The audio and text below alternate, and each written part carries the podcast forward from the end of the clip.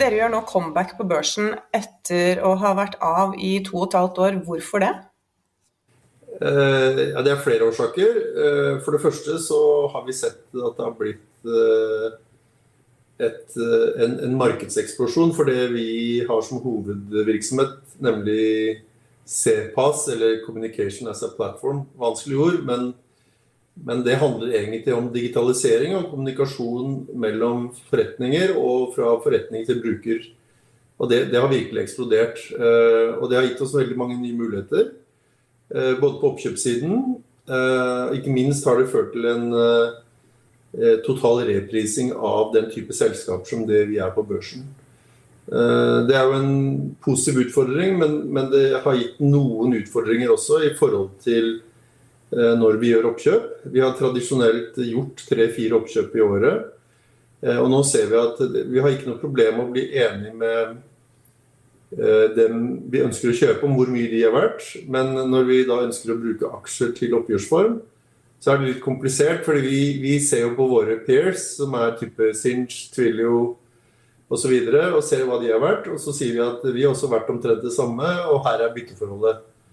Eh, og Da ser vi at eh, dette kan nok gjøres mye enklere som et børsnotert selskap. Det har vært viktige årsaker for oss. Ja, for Da dere ble kjøpt av børs i 2018, så var det da for 3,4 milliarder. og Nå prises Link Mobility til 10 milliarder. Hva er det som har skjedd der? Ja, For det første så har vi jo omtrent doblet størrelsen vår.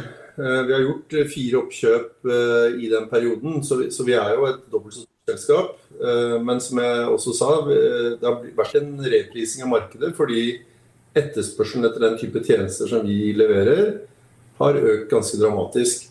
Delvis pga. covid-19, eh, men dette skjedde egentlig lenge før. Altså at det som tradisjonelt kanskje har vært tjenester som flyselskaper, eh, retail, banker har benyttet seg av, har nå fått en mye større utbredelse. Altså hvis du tenker deg i Norge, Eh, så, så er omtrent det som er offentlig sektor, eh, er nå å bruke våre tjenester.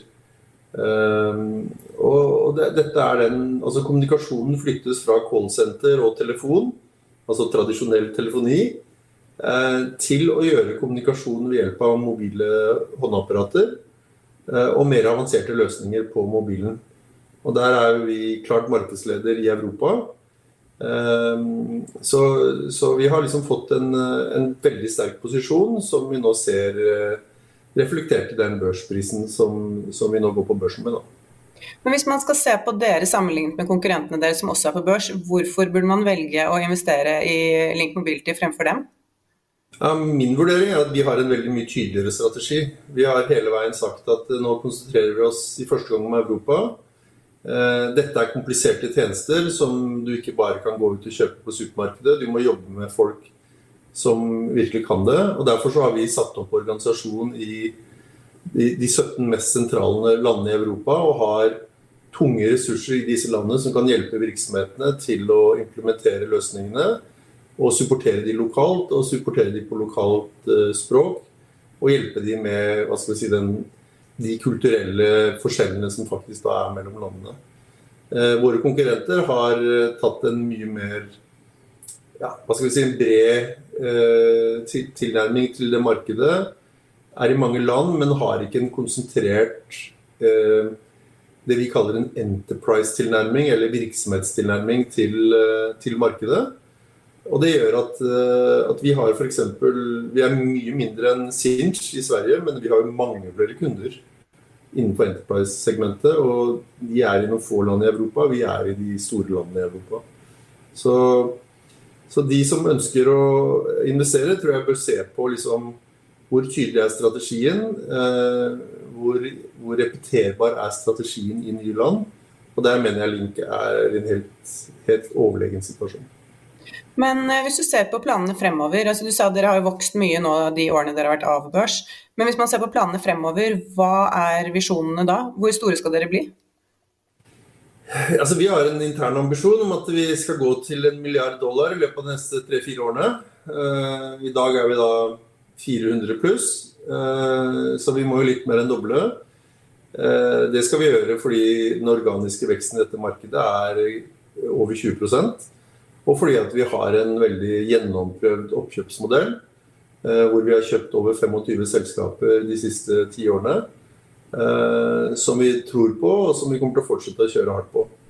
Her er det slik at når støvet legger seg i CPAS-markedet om noen år, så vil det være et, en håndfull aktører som regnes som de globale do, eh, dominante aktørene. Og vi har all verdens ambisjoner om å være en av de.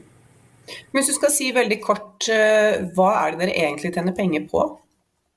Nei, vi, vi tjener penger på flere ting, men det, det, viktigste vi gjør, det er å hjelpe bedrifter med kommunika kommunikasjon mot sine sluttkunder. Enten det er andre virksomheter eller, eller enkeltpersoner.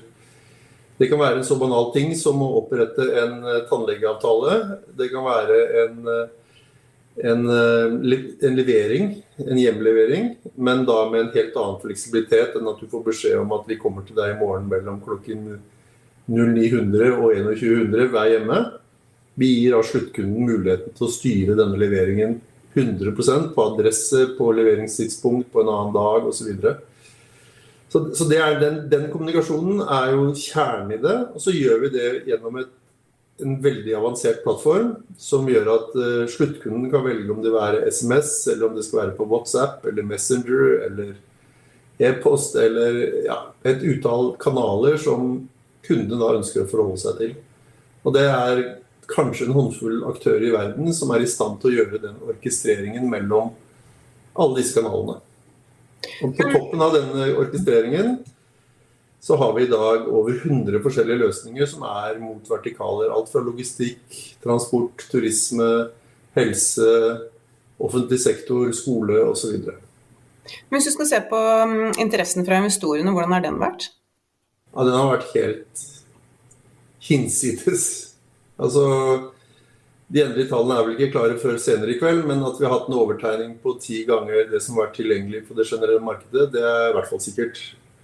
Og vi har hatt eh, nærmere 300 internasjonale, internasjonale institusjonelle investorer eh, som har vist interesse ved å legge inn, eh, inn eh, ønske om å kjøpe aksjer. Så, så, det har gått langt over forventning. Så vi har antagelig lagt prisen litt i nedre sjiktet. Dere har solgt dere for billig? Jeg er redd for det. Da er det bare å ønske lykke til, da.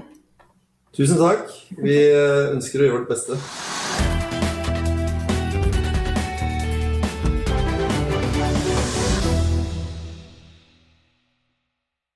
Økonominyhetene er en podkast fra Finansavisen. Programledere er Marius Lorentzen, Stein Ove Haugen og Benedikte Storm Bamvik. Produsenter er Lars Brenden Skram og Bashar Johar.